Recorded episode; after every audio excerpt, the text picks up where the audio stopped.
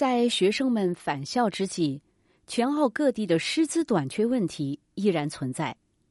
一份新的报告显示，许多学校都在努力填补全职和临时职位，其中新南威尔士州受到的影响最大，其他州和地区也急需更多的教师。因此，在中小学教师严重短缺的情况之下。数以千计像特里莫利亚蒂这样的退休教师被召回学校。特里莫利亚蒂在担任数学教师五十多年之后，于二零零八年退休。现年七十五岁的他不得不重返课堂，担任起临时教师，向学校提供帮助。他说。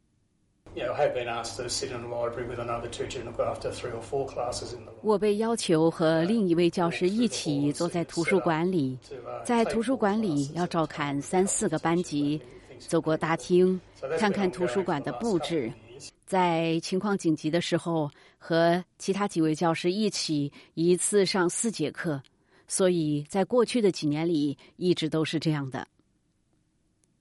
这份报告发现。截至去年年底，新南威尔士州教室里有近两千个全职教师职位空缺，全州有一万个班级不得不合并或取消，而在一些地区，教师短缺的情况更加严重。E 六一研究机构发布的研究报告强调，新南威尔士州高中在获得高能力教师方面存在显著差异。研究发现，这些教师不太可能在贫困的地区去工作。根据报道，数学、英语和科学等关键科目的教师缺口很大。仅仅在新南威尔士州的公立中学中，残疾教育工作者就减少了五百人。目前有一百七十五所高中正在寻找英语和数学教师。朱迪斯·伍德是新南威尔士州公立学校的一名全职教师，他对现状感到惊讶。他说：“In my thirty-nine years of teaching and twenty-five or twenty-six in Australia.” 在我三十九年的教学生涯中，有二十五年或二十六年是在澳大利亚。我从来没见到过这样的情况发生。我看到职业生涯初期、中期和后期的教师决定离开教师职业，或者离开他们的长期工作岗位，也许只是临时工作几天，因为他们感到压力很大，这影响到了他们的幸福和健康。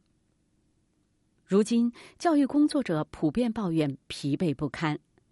维多利亚州的师范生切尔西·罗伯茨说：“他最近在维多利亚州地区实习时，就发现了在教室中普遍存在的职业倦怠感。”他说：“Call it naive, but we going with all these hopes and dreams.” And if you've got a mentor who's 你可以说这是天真，但我们要带着所有这些希望和梦想前行。如果你自己的导师已经都精疲力竭，你可以看到他们是如何走到今天这一步的。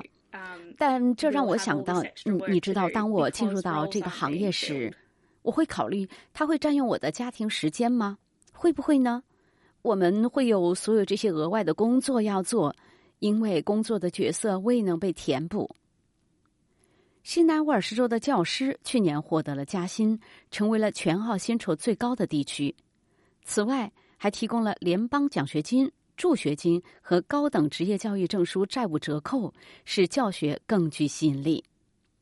但是，澳大利亚教育工会联邦主席克雷纳海索普说，还需要做更多的工作。他说。许许多多的教师都说：“我受够了，我再也不能够每个星期工作五十六个小时了。”教育部发言人表示，正在努力缓解目前的这种情况。Australia does have a shortage of teachers. 在澳大利亚，确实存在教师短缺的问题。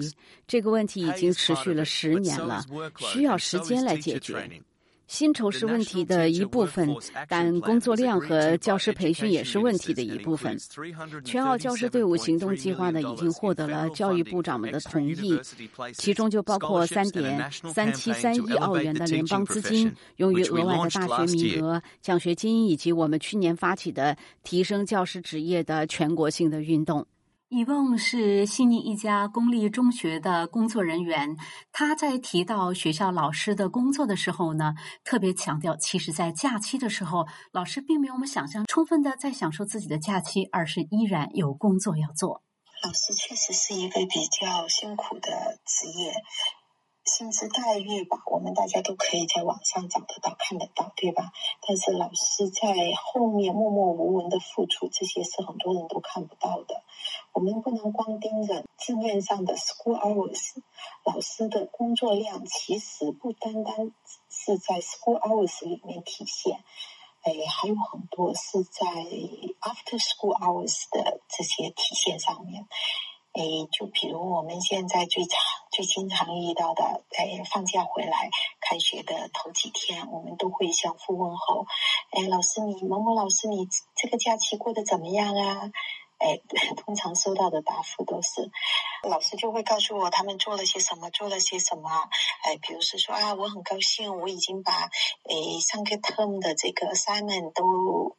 改完了，有的老师就会说：“哎，我已经把这头六周的上上课的课件 PPT 这些都做出来了，怎么怎么的。”所以他们我们这些老师们呢，假期其实他们并不是像我们的孩子们那样是在放松的度假的，其实他们都还是在家里面默默的工作的。